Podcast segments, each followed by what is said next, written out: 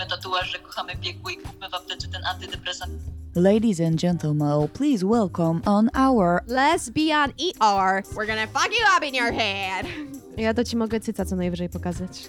No, no to, no co? No to, No to to, elo. było pogadane. No to Napisałam cztery rapy w tym tygodniu. Can I eat you out? no, by byłyśmy w tych samych miejscach, w tych samych kręgach. Chciałabym po prostu, żeby było dobrze. Nic więcej bym nie chciała poza tym, żeby było dobrze. I żeby wojny nie było też na świecie. Wow, Hela, nie. No jak? O Klub. Tak, jest taka szkoła angielskiego dla lesbijek, gdzie i wszystkie się tam uczą Dokładnie. angielskiego. Do widzenia, nie ma już nic więcej do powiedzenia. E, dzień dobry, witamy Państwa bardzo serdecznie. Przy mikrofonie dzisiaj e, Jagoda. Oraz Hela? Tak, nie wiem, czemu poddałaś pod wątpliwość moje imię. Bo nie wiem, czemu przedstawiłaś mnie, a potem siebie No skoro... bo kurna, chciałam Potem być... ben- ludziom się pojawią nasze głosy, wiesz o tym. I tak się już pojebały. Moja mama do mnie napisała SMS-a dwa dni temu. Hela, dlaczego tyle przeklinasz? Jagoda tyle nie klnie. A widzisz? A widzisz? Trzy kropki uśmieszek. Trzy kropki uśmieszek. A ja- Ona- No, No mamo, bo mam powody najwyraźniej, żeby sobie zaklnąć. Mogę się zgodzić, ale też nie muszę wcale z tym Ale się co, zgadzać. uważasz, że jestem wulgarna?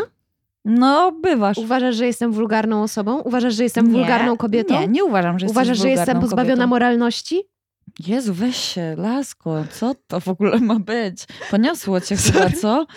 Ja nie Chciałam jestem odegrać taka... jakąś Scenkę to ty sobie masz w spożywczym odegrać, jak idziemy po pep, a nie na podcaście. Ty weź się i opanuj, dziewczyno. No, naprawdę. Sorry, poniosło mnie. O, ale- Trudno, zdarza Dobra, się. na początku chcemy powiedzieć, że, bo uważam, że trzeba to powiedzieć, że dzisiejszy odcinek będzie dotyczył poważnego tematu. Będziemy porozmawiać na temat e, no, zaburzeń psychicznych ogólnie u, u nas przede wszystkim, jako u reprezentantek mniejszości LGBT, ale dlatego chciałam powiedzieć, że jeżeli ktoś nie czuje się gotowy, żeby tego wysłuchać, to jest taki mały po prostu ostrzeżenie, że będziemy o tym gadać Zupełnie otwarcie i szczerze. zupełnie otwarcie i szczerze i, i zdajemy sobie też sprawę, że są ludzie, którzy moż, mogą poczuć się, no po prostu nie są gotowi na to, żeby tego wysłuchać i to jest okej. I mamy tam osiem odcineczków wcześniej innych, których można sobie na luzie strzelić i no i tak, no i tak. Więc e, dzisiaj głównie opowiemy o tym, jak wyglądało to w naszym przypadku. Mm, dlatego, że absolutnie nie ma sensu rozmawiać o tym, co mogą czuć inni, albo czego, czego czuć nie mogą, dlatego że absolutnie nie wiemy nic na ten temat i nikomu nie można wejść do głowy i nie powinno się tego robić. Można posłuchać, co czuje, jeśli chce o tym rozmawiać, jeśli nie, to nie i koniec. Tak. Będziemy mówić tylko i wyłącznie o naszym doświadczeniu. Powołamy się na jakieś małe statystyczki, które ja sprawdziłam, bo jestem wujciem pragmatuńciem. Eee, i, I no i pogadamy sobie zupełnie na luzie, w rozpiętej bluzie, ale też otwarcie i, i szczerze. I szczerze. Bo to jest temat, kurde, trochę nie wiem jak to ugryźć, bo to jest temat, który e, dotyczy no o nieomal no, 68%, 69% osób LGBT w Polsce, młodzieży LGBT w Polsce, zaburzenia psychiczne. Co tak naprawdę nikogo absolutnie nie powinno dziwić, a z drugiej strony jest to zatrważająca statystyka, bo jest to zatrważająca statystyka i pokazuje tak naprawdę, mm, jak wygląda nasze życie. I my, tym bardziej jako jednostki, mm, które znajdują się w mniejszości społecznej, powinnyśmy, powinniśmy być świadomi tego, że musimy tym bardziej dbać o swoje zdrowie psychiczne. Jako osoby LGBT jesteśmy no, w znacznie większym stopniu narażone i narażeni na tak zwany stres mniejszościowy, na, czyli na zinternalizowaną homofobię i tak dalej, i tak. Jesteśmy narażeni na, i narażone na rzeczy, które tak naprawdę nie dotykają osób spoza mniejszości seksualnych i mniejszości tożsamościowych. E, I trzeba o tym mówić otwarcie. E, Są, czytałam w ramach przygotowania do tego odcinka, czytałam y, artykuły na stronach prawicowych, jakichś obrzydliwych, nawet nie będę powtarzać, jakie Nie, to są dziękuję. strony, e, gdzie pisali, że osobo, o, o, o, wśród osób LGBT częściej występują choroby psychiczne, że osoby LGBT częściej są chore psychiczne, y, psychicznie. I to było pisane w ramach, nie wiem, obelgi, że... Tak, dlatego, tak- że, no wiesz, no bo dlatego, że dla tych osób choroba psychiczna to coś złego. Tak, ale to I też wiesz, jest było to pisane na zasadzie... Od, wiesz, jakby dla... Tak, Oni jakby... wiesz, Oni starają się przy, jakby pokazać społeczeństwu, że my jako ta mniejszość jesteśmy, Jesteśmy po prostu źli, niedobrzy, nienormalni, chorzy cudzysłowie, psychicznie. Dlatego, że w tym kraju choroba psychiczna jest przedstawiana jako zło, wcielone piekło, tylko i wyłącznie szaleni mordercy, Tak. gwałciciele i nie wiadomo kto jeszcze po prostu. Najgorszy chłam, zło ma problemy psychiczne. To tak nie wygląda. A tymczasem to są normalni ludzie. Trzeba to od razu powiedzieć, że to są normalni ludzie. I czytając, że my jesteśmy normalnymi ludźmi, bo ja się utożsamiam też z ludźmi chorymi psychicznie, w sensie z zaburzeniami psychicznymi, e, które doświadczyli tego w życiu. E, I zresztą będziemy o tym opowiadać. Natomiast czytając te artykuły, myślałam sobie, no tak. Osób, os, osób LGBT bardziej, bardziej dotyczą ich choroby psychiczne, bardziej dotyczy ich depresja, bardziej dotyczy ich, że ponad 50% osób LGBT miało o przynajmniej objawy depresji w życiu. To nas bardziej dotyczy. Te prawicowe gazety mają rację. Tylko, że to jest wina, że to jest ich wina przede wszystkim. Wiesz o co chodzi? Że to jest wina naszego No, społeczeństwa. oczywiście, że, tak, że to no. jest wina, że to jest wina polityki, że to jest wina mediów, że to jest wina tego, że nie mamy żadnej reprezentacji. Żadnej reprezentacji, że nikt nas nie uczy, jak sobie radzić z problemami psychicznymi, że wiesz, że, że tak, z takim trudem przychodzi wyautowanie się, bo nie wiadomo, kto cię zaakceptuje. Wiesz, i no to jest potworne po prostu. Tak, jesteśmy obciążeni dwa razy bardziej niż normalny uczestnik z życia społecznego, który jest w seksualności, że tak powiem, normowo najbardziej akceptowalnej. Heteronormatywnej, No, tak. Nie chcę nazywać tego No, tak, no dlatego tak. że to jeszcze na pewno będzie dla kogoś obraźliwe czy cokolwiek innego. To nie ma sensu. W każdym razie mm, my musimy dbać o siebie dwa razy bardziej niż cała reszta społeczeństwa, dlatego że mamy trudniej. W tym kraju, w tej mm, rzeczywistości, w której żyjemy, nie mamy pod jakby my się nie staczamy z górki, my pod nią toczymy tą kulę kupy, bo sami jakby nie mamy wyjścia z, tak naprawdę z tej sytuacji. Więc ważne jest to, żebyśmy sobie po prostu wszyscy zdali sprawę z tego, że bardzo ważna jest opieka nad zdrowiem psychicznym oraz bardzo ważne jest to, żeby dobrać odpowiedniego specjalistę dla nas, bo to też jest bardzo trudne.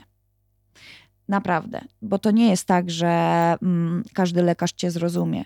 I to nie jest tak, że każdy lekarz, który deklaruje ci otwartość w 100%, tą otwartość będzie miał, bądź nawet jeśli będzie tą otwartość miał, to nie do końca może mieć zrozumienie.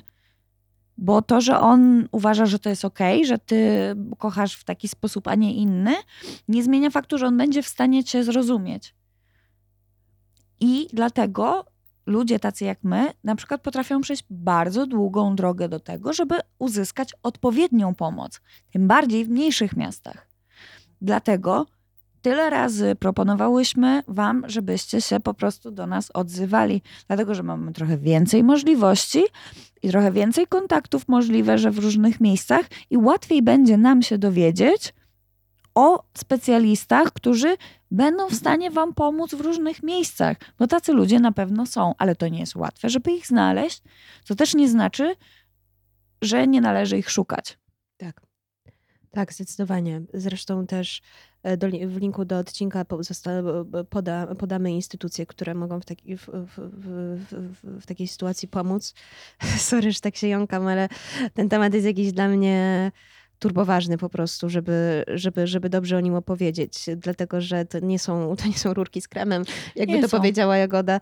I to jest e, temat, który jakoś bardzo silnie też przewijał się w moim życiu wśród moich znajomych i LGBT też, e, którzy tak naprawdę bardzo długo cierpieli i nie, nie wiedzieli, nie, nie, nie wiedzieli skąd wziąć pomoc. E, Czuli się, e, czuli się nieakceptowani w szkole, czuli się nieakceptowani w środowisku i tak dalej, i tak dalej, i tak dalej przez swoich rodziców. E, albo bardzo często po prostu siedzieli w tak zwanej szafie i nikomu o tym nie mówili. I to też jest okej, bo każdy ma swoją drogę i każdy ma swoją drogę mówienia o sobie. I to jest bardzo w porządku, jeżeli nie jesteś na to gotowy, gotowa. Natomiast, e, natomiast bardzo ważne jest, żeby znaleźć sposoby, jak sobie poradzić z tym, żeby mieć takie sposoby, żeby mieć w swoim, na swoim zapleczu, w swoim arsenalu, w swoim arsenale e, środki, które pomogą ci wyjść na prostą i nie mówię tu o lekach tylko i wyłącznie, ale mówię tu o, o środkach innych, środkach pomocy społecznych i tak dalej, i tak dalej. No ale dobra, zacznijmy może od, od nas samych po prostu. Ja uważam, że w ogóle po prostu powinnyśmy. Mówić o nas samych, tak. Mówić o nas samych, bo każdy chyba swoją drogę przeszedł w tym temacie, przejdzie, jest na tej drodze. Nie każdego też ona dotyczy, dlatego też może warto opowiedzieć o nas, bo akurat nas ta droga dotycza, doty, dotyczyła, dotyczy poniekąd i miałyśmy swoje sposoby radzenia sobie, swoje sposoby nieradzenia sobie i, no i miałyśmy po prostu przeprawę w tym temacie. Tak, uważam, ja tak naprawdę najbardziej w tym wszystkim uważam, że najważniejsze jest to, żeby pokazać, że ludzie, którzy, mm, których widzisz na ulicy i możesz sobie pomyśleć, ta dziewczyna mogłaby mieć depresję? No przecież ona wygląda jakby była najszczęśliwsza na świecie. Albo mnóstwo różnych takich rzeczy. Nie da się zauważyć choroby psychicznej u osoby, z którą nie spędzasz trochę więcej czasu, ale trzeba słuchać i być uważnym i obserwować, jak ktoś się zachowuje w Twoim otoczeniu, bo naprawdę nie jest trudno przeoczyć ten moment. Dlatego my dzisiaj chcemy opowiedzieć Wam o tym, jaką drogę my przeszłyśmy. Co nam się przytrafiło, jak było ciężko, a jak nagle później bywało lepiej, bo to tak po prostu wygląda. Tylko należy też nauczyć się, jak ty sam reagujesz na różne sytuacje w Twoim życiu. I mamy nadzieję, że to, że my podzielimy się z Wami naszymi historiami powiemy Wam, jak to u nas wyglądało, ile to trwało i tak naprawdę ile nas to wszystko kosztowało nerwów i zdrowia, może dać wam po prostu w pewnym momencie do myślenia, hej, może ja nie muszę bić się z moimi myślami, tyle i tyle czasu, bo może jest ktoś, kto pozwoli mi te myśli ułożyć taki ciąg, który pozwoli mi myśleć, funkcjonować i jednak ten krok do przodu zrobić. Tak, tak. No dobra, no to opowiedzmy o sobie. No dobrze, Hela. Czy chcesz zacząć? E, no jasne, mogę zacząć. Nie wiem w ogóle od którego momentu, bo generalnie myślę, że dużo. E, to, to nie jest dla mnie w ogóle, mówienie o tym nie jest dla mnie wstydem. I to też nie jest dla mnie, w ogóle to nie jest dla mnie traumatyczne, dlatego że bardzo mocno przepracowałam to w sobie i no i czuję, że gdzieś, że, że, że, że to jest po prostu część mnie. Ale wiadomo, wiesz, jak się zorientowałam, że, że, że jestem lesbijką, to, to nie było mi łatwo i przez 7 lat siedziałam w szafie i nikomu o tym nie powiedziałam. Co było dla mnie bardzo trudne i myślę, że wtedy siedziałam w szafie przez 7 lat i myślę, że wtedy to się wszystko zaczęło, bo wtedy zaczęłam kumulować bardzo dużo nerwów w sobie na zasadzie, że wiesz, podobały mi się dziewczyny, ale może chłopaki, ale może coś, że czułam cały czas w sobie jakąś niezgodę na, na, na, na, na sposób, w jaki żyję, niezgodę na to, co ludzie o mnie wiedzą, niezgodę na to, co mówię o sobie. E, że czułam jakąś niezgodę w sobie na to, jak, jak ludzie mnie postrzegają, że, no, że po prostu mają fałszywy obraz mnie jako osoby. I czuję. Nie widzą cię tak, jak ty sama siebie widzisz. Tak. prostu. A ja nawet No, nie wiedziałam, nie jak jest- siebie widzę, nie? No w sensie, tak, wiesz, Ale że to nie jest to. Że to nie jest to. No. Ja nawet nie wiedziałam, kim jestem. Wiesz, byłam w gimnazjum i podobała mi się dziewczyna, i tak jak to obśmiewałam na poprzednich, w poprzednich odcinkach, i nadal no, obśmiewam to, bo gdzieś to, to jest część mnie, a ja też tak e, mam jakąś taką narrację na swój temat, że lubię się śmiać. E, I to, to, to, to był tak naprawdę bardzo bolesny okres, w którym podobała mi się dziewczyna, i ja wracałam do domu i nie wiedziałam, co zrobić. Nie wiedziałam, kim jestem, nie wiedziałam w ogóle, co dalej, gdzie, co ugryźć. Nikomu nie mogłam powiedzieć, bo byłam przerażona. Byłam przerażona. No i wtedy zaczęłam kumulować w sobie bardzo dużo stresów, bardzo dużo lęków. Nie powiedziałam o tym nikomu. Nie zgłosiłam się do psychologa szkolnego, nie zgłosiłam się do pedagoga, pedagogzki, nie, nie poszłam na terapię. E, Nie, nie wiedziałam bym nawet skąd na to wziąć pieniądze, żeby pójść, e, się, żeby ktoś mi pomógł. Nie zwróciłam się do nikogo o pomoc, ani do rodziców, ani do, do przez dłuższy czas do znajomych. Znajomi byli pierwszą, pierwszymi ludźmi, którzy się dowiedzieli i to mi dało ogromne poczucie ulgi, ogromne, jakby ktoś mi zdjął ze mnie 10 kilo. Ale zaczęło się we mnie bardzo, bardzo, bardzo dużo kumulować e, lęków, stresów. E, zaczęły występować nerwicowe zachowania u mnie. Zaczęłam się zmagać z nerwicą dość silnie, e, z dużą stresową, z dużym niepokojem. E, wiesz, napięcie mięśniowe takie, że mi odpadają barki i ramiona w pewnym momencie po każdym dniu w szkole. E, paznokcie po prostu po, po, po zniszczone i tak dalej, bo cały czas skubane. E, no, i, no i cały czas takie uczucie adrenaliny i zwiększonego niepokoju, nie? Cały czas ten taki startujący samolot w środku, egzamin. No i w pewnym momencie to po prostu mnie doprowadziło do bardzo mrocznego miejsca, do bardzo mrocznego miejsca, z którego wyprowadzili, wyprowadził akurat mnie, ale mówię, to jest moja historia. Ja się urodziłam w Warszawie, naprawdę w bardzo uprzywilejowanym środowisku Jak na Polskę. jak na Polskę, więc powiedziałam znajomym i spotkałam się z bardzo wielką akceptacją i było mi lepiej. I później w liceum trochę po- zapomniałam o tym temacie, trochę go w sobie zakopałam. Nerwica dalej się rozwijała, trochę ten temat w sobie zakopałam. E, I poszłam na terapię w liceum. W liceum poszłam na terapię i no i jak to się zaczęło odkopywać, to, to, to było grubo po prostu Mhm. to było grubo, bo zaczęły się odkopywać, wiesz, poukrywane zaburzenia lękowe, depresyjne. E, Coś, co no, nikt tego nie widział, no bo ja jestem promyczkiem, wiesz o co chodzi, że ja jestem, Wiem. a wiesz, że ja jestem Ja, os- wiesz, To jest taka fajna laska, śmieszka taka, nie zawsze się śmieje, fajna, wiesz, żartem jeszcze duch ugryzie. imprezy, nie, najlepszy, no, wiesz, wszyscy, wszyscy Wiadomo. żarty opowiada i anegdotki Naj, i wszystkich historie, zabawia, Wiadomo. wiesz, i... Dusza towarzystwa, Tak, więc nikt zwane. w ogóle nic nie powiedział. Wiesz, no nikt nic by nie powiedział. I dopiero na terapii mój terapeuta mm, y, pierwszy, którego pozdrawiam, jeżeli mnie słucha, kocham cię, ale przepraszam, to było trochę za dużo. Wytniemy to. Mhm. Sorry. Nie, nie, nie, nie. Albo po prostu bardzo mi pomógł. To właśnie on odkrył we mnie to, że, że tam, tam jest dużo. Tam siedzi dużo, co po prostu było zakopane latami Mhm. różnymi nieprzepracowanymi Mhm. tematami, z Nie którymi, wywietrzona głowa. niewywietrzona głowa, z którymi po prostu oni, z nikim nie porozmawiałam. Wiesz, i no i to się tak ciągnęło i, i tak, i, i, i, i w pewnym momencie miałam e, stwierdzoną depresję i to był bardzo ciężki dla mnie czas. To był dla mnie bardzo ciężki czas, z którego jednak jakby, no nie wiem, wyszłam. E, I, I to było trudne, to było bardzo trudne. To był chujowy moment. Mhm. Wiadomo, że to był chujowy moment. I, i czułam, przez bardzo długi czas czułam, że, że, że pomoc nie nadejdzie, ale nadeszła. I naprawdę zrobiłam wszystko, żeby sobie pomóc. W moim przypadku to była tak. Z, zrobiłam sobie taki retreat totalny, że zamykam się w domu i medytacja, sport, y, ale wiadomo, że to nie jest rada typu uśmiechnij się, Nie pomedytuj. lek, nie, tak? to nie jest lek, nie? Tak To się jest nie coś, co- wyleczymy z depresji. nie wyleczymy ani, się z depresji czego innego właściwe. No jak to nie pomagało, to poszłam do psychiatry i dostałam po prostu leki, które mi pomogły. Mhm. I też uważam, i chcę to powiedzieć, bo bardzo długi, długi czas mm, mówiło się, że mówi się w ogóle, jest takie coś, że leki to nie, że leki e, przynależą do, do, do, do, do, do, do nie wiem do kogo, no właśnie do tych najgorszych.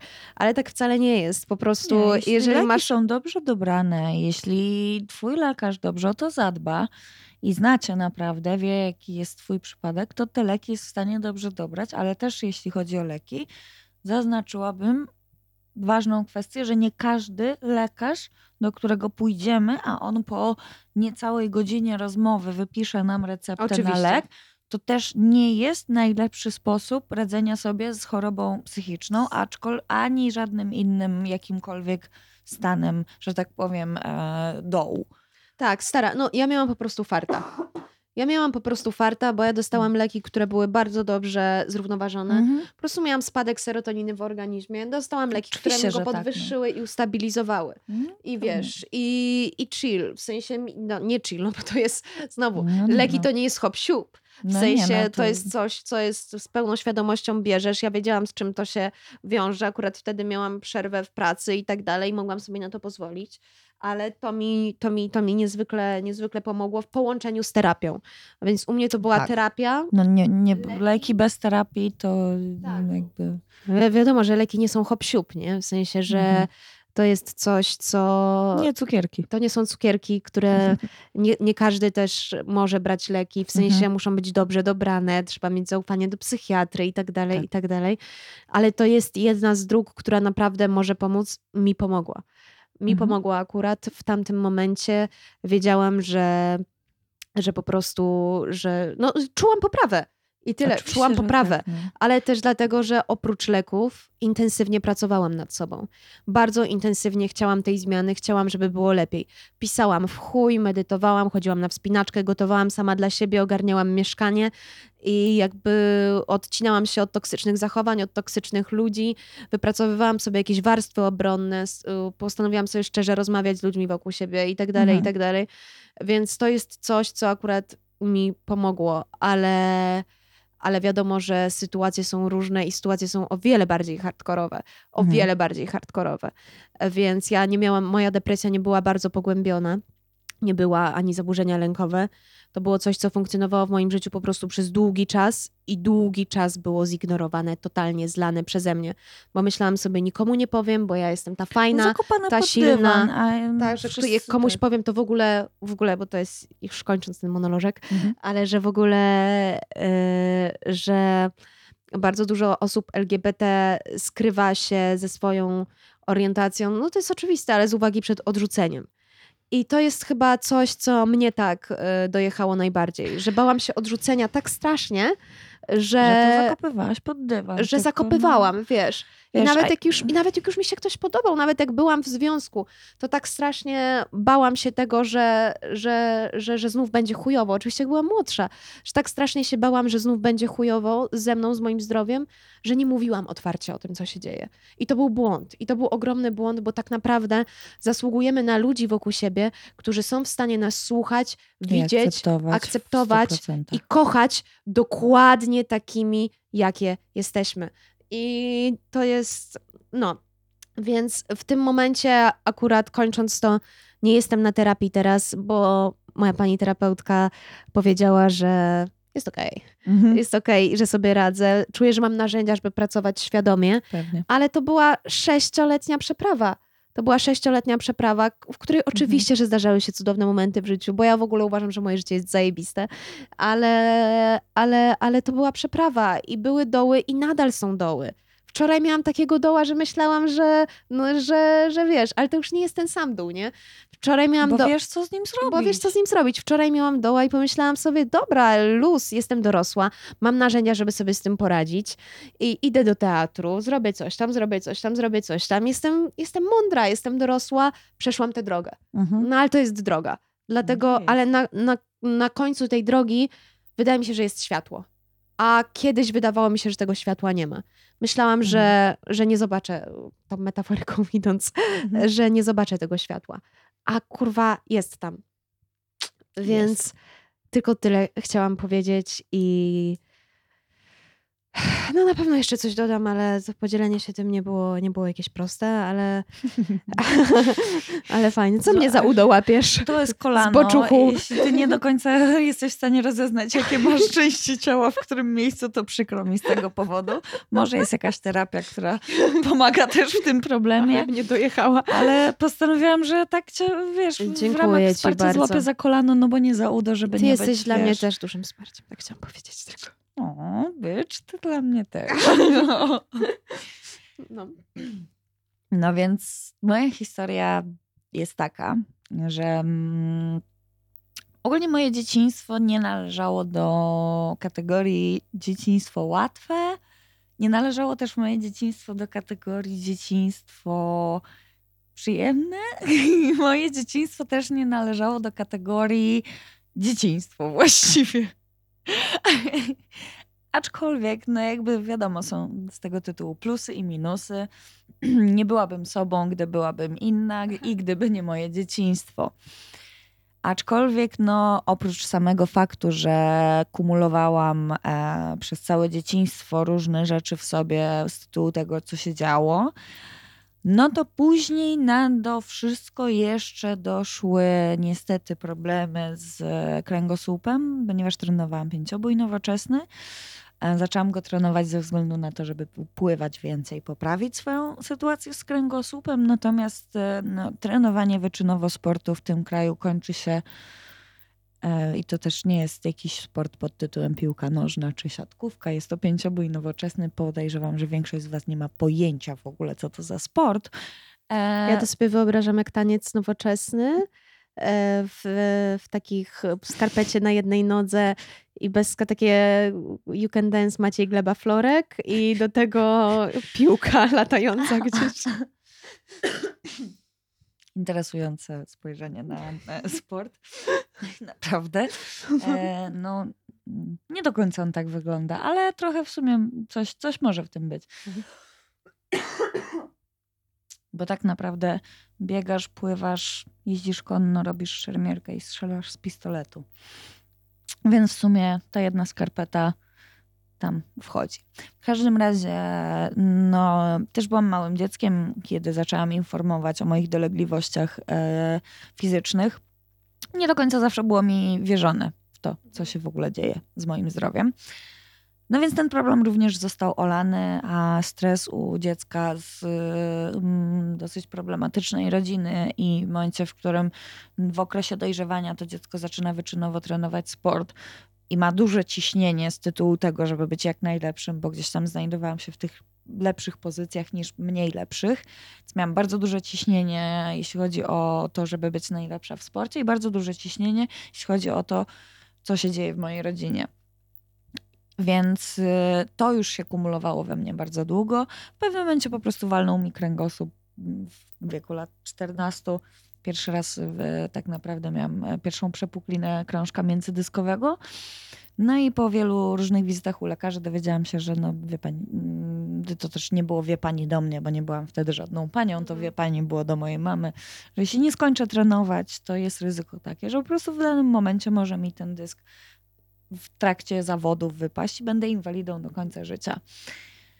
E, No więc tak zakończyła się przygoda z trenowaniem i zaczęła się przygoda z byciem nastolatką imprezującą e, i poznającą swoją seksualność. e, Nie do końca godzącą się z tym, że na imprezach to fajnie są te dziewczyny i w ogóle, Mhm. bo przecież potem po każdej imprezie było co no to, że się całowałyśmy, to wiesz, tu i tak dalej, i tak dalej. No i wtedy zaczęły się problemy mm, właśnie z rówieśnikami, jak to się przyznać, jak o tym rozmawiać, czy się przyznać, czy się nie przyznać. Niedługo później właściwie zaczęłam pracować, no i tak właściwie się okazało, że to miała być tylko taka praca dorywcza na wakacje.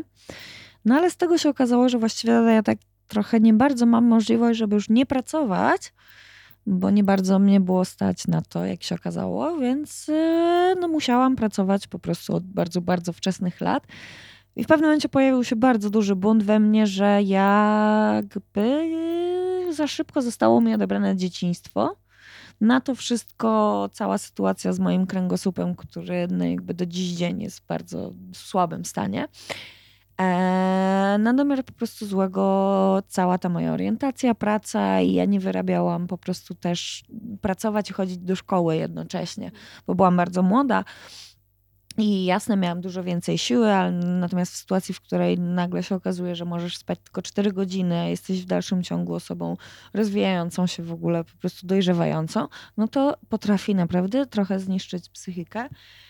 No i w pewnym momencie zaczęłam się orientować, że potrzebuję pomocy, więc poszłam do psychologa szkolnego. Eee, bo jakby nie wiedziałam już, jak mam sobie z tym radzić. I też no jakby zauważyli w szkole, że ja się nie zaczynam po prostu na coraz mniejszej ilości lekcji pojawiać, bo ja nie mam na to siły. Ja zaczęłam zasypiać Mhm. i zaczęłam mieć potworne zaburzenia snu. Mhm. dramatyczny. No także ja naprawdę potrafiłam przespać myślę, że 36 godzin z ciągiem. Po prostu Aha. nie budzić się. I były akcje postawiania budzików na talerzach, w garnkach, zamkniętych, niezamkniętych, Mhm. konstrukcje spadane, niespadane, wszystko. No i więc mm, psycholog szkolny wysłał mnie do fundacji, oczywiście na NFZ, i jakiejś tam pomocy, w której trafiłam do psychologa, który na drugiej wizycie już wyglądał dosyć słabo. Jak z nim rozmawiałam, właściwie nic mi nie powiedział. Przy trzeciej wizy- wizycie się popłakał. Żartujesz? Tak. Nie, Byłaś na, w sensie nie żartuję. lesbijskiej. Trochę tak. Po No. trzeciej wizycie się, się popłakał i powiedział, że nie jest w stanie zrozumieć, jak dziecko w moim wieku może mówić o takich rzeczach nie płacząc, mając minę dziennikarki. Mhm. Ja, ja, jakby, ja dużo płaczę w swoim życiu i Mhm. uważam, że mogę się nazwać pewnego rodzaju drama queen. Mhm, Ale mhm. ja w tamtym momencie swojego życia i dzieciństwa byłam tak wypruta z emocji, że nawet nie byłam w stanie jakkolwiek na to Mhm. zareagować. No Więc ten oto psychiatra, no, psycholog wysłał mnie do psychiatry tej Mhm. samej przychodni, na co ca moja cała wizyta u tego psychiatry trwała tyle, co on mi po prostu wręczył receptę. Na co ja powiedziałam, bo to jest chyba jakieś naprawdę duże nieporozumienie. Proszę sobie tą receptę może pan zabrać i nie wiem, co z nią zrobić, bo ja na przykład nie zrobię z nią nic i do widzenia. Mhm. Potem znalazłam psychiatrę od snu, który na wizycie powiedział mi, że kiedyś to ludzie mieli prościej, bo słońce wstawało, to oni wstawali, a jak słońce zachodziło, to oni szli spać. I on mi o epoce dinoża- dinozaurów, słuchaj, prawie godzinę trajkotał. I ja naprawdę myślałam, że tego nie wytrzymam. I ja mówię mu, cokolwiek, proszę, jakby ja potrzebuję zasnąć o danej Mhm. godzinie, o danej godzinie się obudzić. Nie kontroluję tego sama już absolutnie, nie mam nad tym żadnej kontroli. Nie funkcjonuję jak normalny człowiek, nie mogę iść do szkoły, nie mogę iść do pracy. Zaburza to całe moje życie. Proszę o pomoc pana. No i dostałam ofertę od niego taką, że on taką lampę, co wydziela światło niebieskie, mi oferuje do wypożyczenia. Jest na dole Żartujesz. w takim sklepiku. Mm, mhm. I pani musiałaby tą lampę sobie włączyć codziennie o godzinie 9 i o 9.40 wyłączyć. Ja mówię, a to ja właściwie, to taka lampa to w ogóle nie brzmi głupio. Tylko jak pan sobie wyobraża, że ja będę tą lampę włączać i wyłączać? Jak ja nie mogę się obudzić, to jest mój problem, do, jakby z którym przyszłam do pana. No na- co pan odpowiedział? Aha, to wie pani co, to zrobimy tak, że pani przemyśli sobie tą lampę, ja przemyślę jakieś leczenie i za pół roku się widzimy. Mówię, Jezus no to fajnie. Jezus no Maria. to dzięki. No i wyszłam i oczywiście nigdy więcej się nie zobaczyliśmy. E, w każdym razie po tamtej sytuacji wydaje mi się, że byłam jeszcze na coachingu, który moja siostra mi dała w ramach prezentu urodzinowego, który niesamowicie mi akurat pomógł. Mhm. Aczkolwiek ten coaching trwał trzy dni. Nie, nie jest Mhm. to terapia. Mogą ci dać parę fajnych rad, które do Mhm, dziś no dzień tak. używam w swoim życiu i naprawdę dało mi to dużo, bo widzę, że jakby w dalszym ciągu to we mnie pracuje.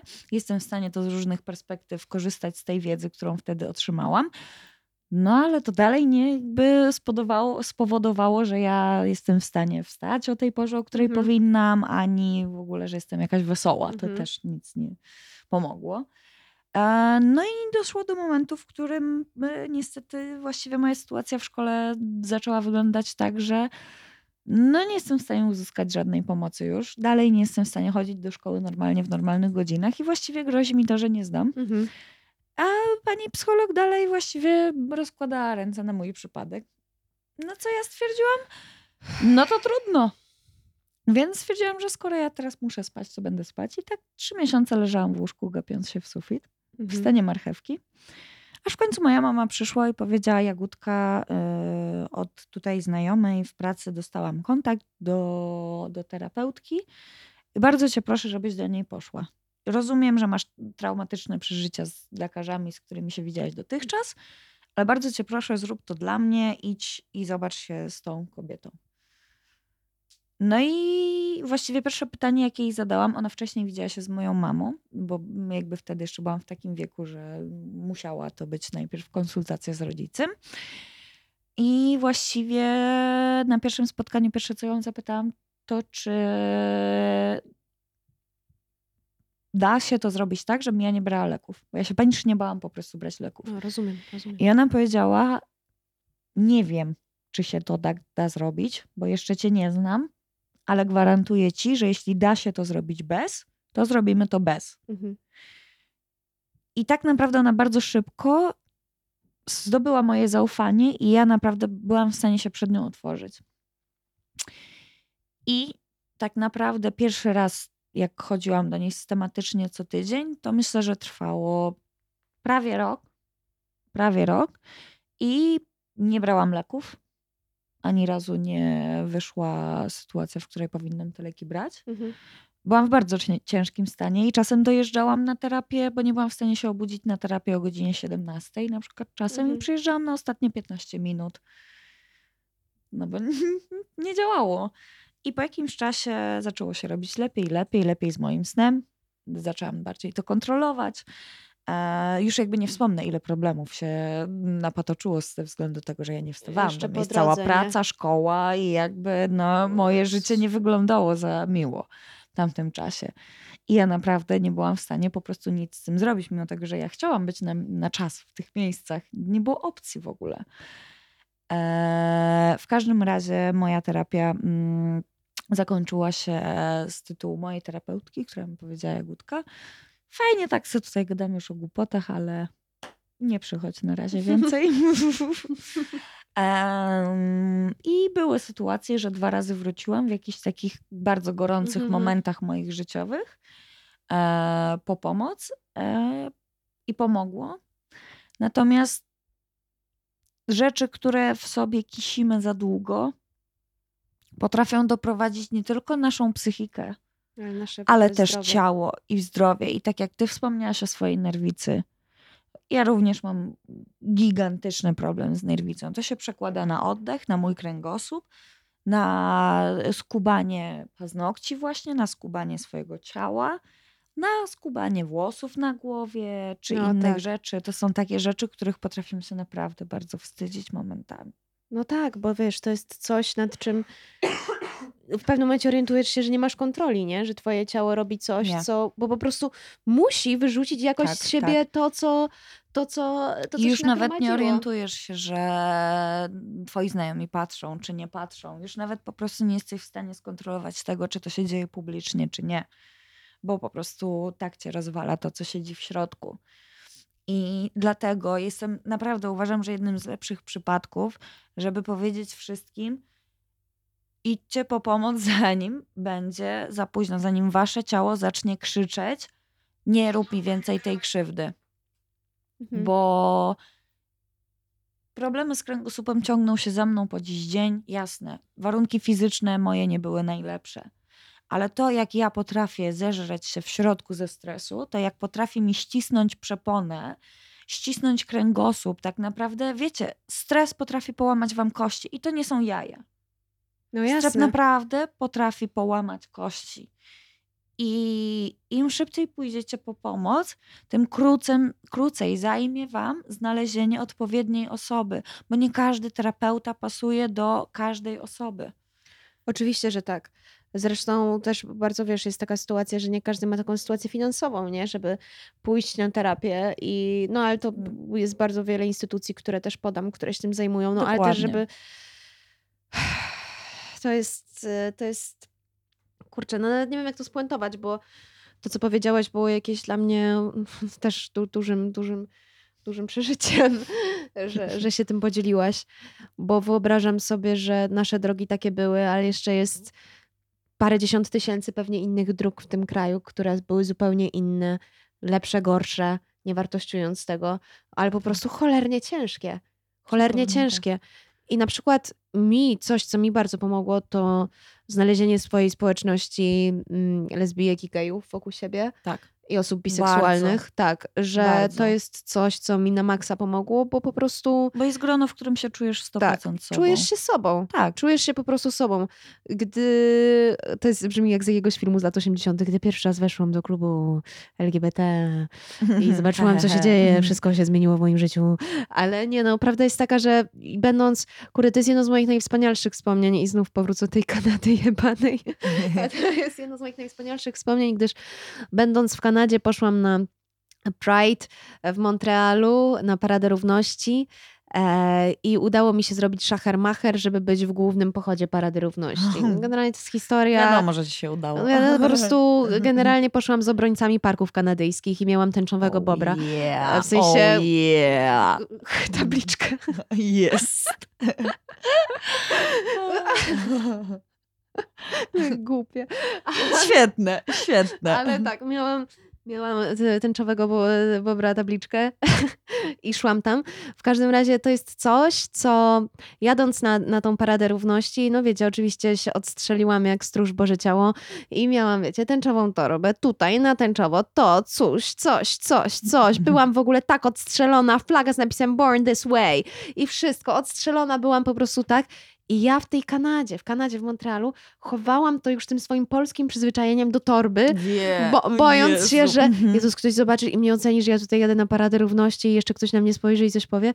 A tymczasem, jadąc z przedmieść Montrealu, z przedmieść, tramwajem, chłopak ośmioletni, z pomalowanymi na niebiesko paznokciami, jedzie ze swoją mamą, która ma tęczowe przypinki, która No. jest w ogóle chillowa, która trzyma swojego No. męża za rękę i wiesz, i w ogóle inne życie. I pamiętam, że to mi dało tak dużo to był pierwszy taki moment w ogóle w życiu, że szłam tym głównym pochodem z tym tęczowym bobrem i, i ludzie naprawdę, to było coś niesamowitego.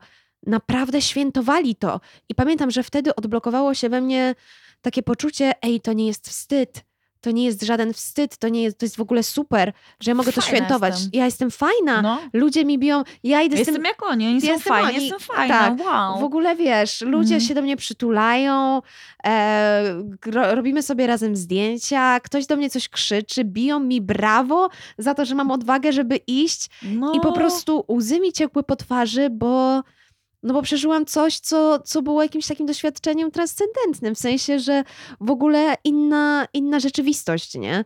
I, I pamiętam, że też na tej paradzie równości to w ramach anegdoty po raz pierwszy widziałam, jak jeden mężczyzna się oświadczał drugiemu mężczyźnie. O, No. Migosz, to Oczywiście. tak słodkie. Popłakałam się, byłam taka, Tak oh my god! I płakałam, robiłam zdjęcia i płakałam. Więc nie, w ogóle, no było, było super. Nie, nie robiłam zdjęć, bo byłam jakimś creepem, po prostu robiłam zdjęcia wszystkiemu naokoło, no nieważne. No, W każdym razie nie mogą uwierzyć, powiedziałam do Polski wrócę, to nie uwierzą. Nie, nie żartuję. Ale to było jakieś piękne. No i wtedy sobie pomyślałam, jest życie poza tym piekłem, które się przeżywa na co dzień. Bo jest też, Tak. jest też niebo często, nie? W sensie często jest też niebo i wszyscy przeżywamy niebo i piekło i, i wierzysz chce. w te dobre momenty, to one do ciebie przyjdą. No. Ostatnio moja dziewczyna mnie tego nauczyła. I to w sumie mogę uznać za dosyć wartościową rzecz, bo im bardziej wierzysz i chcesz tych dobrych rzeczy, to tym prędzej one do ciebie przyjdą. Niż jak tylko siedzisz sobie i myślisz tak w tej skapcaniałej swojej głowie wszystko jest źle, niedobrze, tutaj jest jakieś piekło i ja w tym piekle się piekle, sam się piekle w tym piekle. No A tak. jak sobie myślisz, dobra, no niby jest tutaj to piekło, ale czy ja się tak będę w nim pieklić? Ja właśnie się nie będę pieklić w tym piekle, bo to i tak już jest piekło, to co ja się będę pieklić, nie? No jakby w sumie bez sensu trochę. Tak, to jest taka pierwsza płaszczyzna rady, bo później jeszcze dochodzi, wiesz, milion innych rzeczy, typu, że zaburzenia psychiczne, które są, wiesz, otoczenie, środowisko, wiesz, milion, kurwa, ta już przewraca oczami na mnie, e, że wiesz, że dochodzi środowisko i tak dalej, że, że jest różnie, nie? W sensie, że różni ludzie mają różne sytuacje. Nie no, oczywiście, że tak. To nie jest tak, że... No, no, to nie jest tak, że ja teraz będę szła sobie w swoim szczęśliwym momencie, bo sobie, No,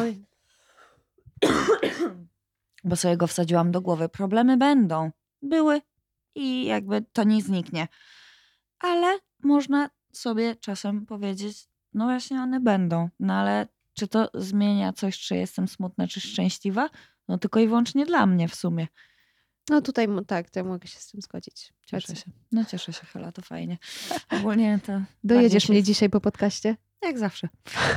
Chciałam ci powiedzieć. No dobrze, kochani. Dobrze. Bardzo się cieszymy, że byliście z nami. E, jeszcze nawet nie będąc. Tak. Mamy nadzieję, że w jakimkolwiek stopniu to, że byłyśmy w stanie porozmawiać o nas, będzie w stanie w jak, jakkolwiek wam pomóc, jeśli trzeba wam pomóc. Może nie trzeba. To Tak. wtedy też fajnie. Tak, my jakby my wam nie pomożemy, taka jest prawda. My wam nie pomożemy w tym sensie, że Nikt wam nie pomoże, jak wam- sami nie tak. będziecie chcieli sobie pomóc. tak, że wy, my nie A po pomóc trzeba się zgłosić czasami. Tak, I więc tyle. to, co możemy zrobić, to podać wam specjalistów, podać wam organizację. Jeżeli do nas napiszecie, skierujemy was do organizacji, ale nie, nie pomożemy wam per se. Ale, ale jesteśmy dla was tutaj tym podcastem, tym, co mówimy. E, no i nie wiem, no, z całymi nami to jest, myślę, że zarówno mnie, jak i Jagodę to, to kosztuje zawsze, ale generalnie my chcemy, kurde, no jesteśmy tutaj po to, żeby mówić głośno o tym, Są że istniejemy. koszta, nie? które możemy ponieść, pani Hela. Oczywiście, że I tak. już. Oczywiście, że tak. No. Tak jak mogę wydać 15 zł na paczkę papierosów, a 15 zł to w 2014 chyba, teraz. Nie, są chyba jeszcze jakieś takie. No może są jakieś cztery, ale jak za No. 18 zł paczkę papierosów swoich ulubionych kupuję, to tego koszta też mogę ponieść. Dokładnie. I tym radosnym samym- akcentem. Dokładnie, kochani. Bardzo dziękujemy wam za dziś. Dzięki za dziś, wariaty! I do usłyszenia w następnym odcinku. Ju, ju, ju, ju, ju, ju!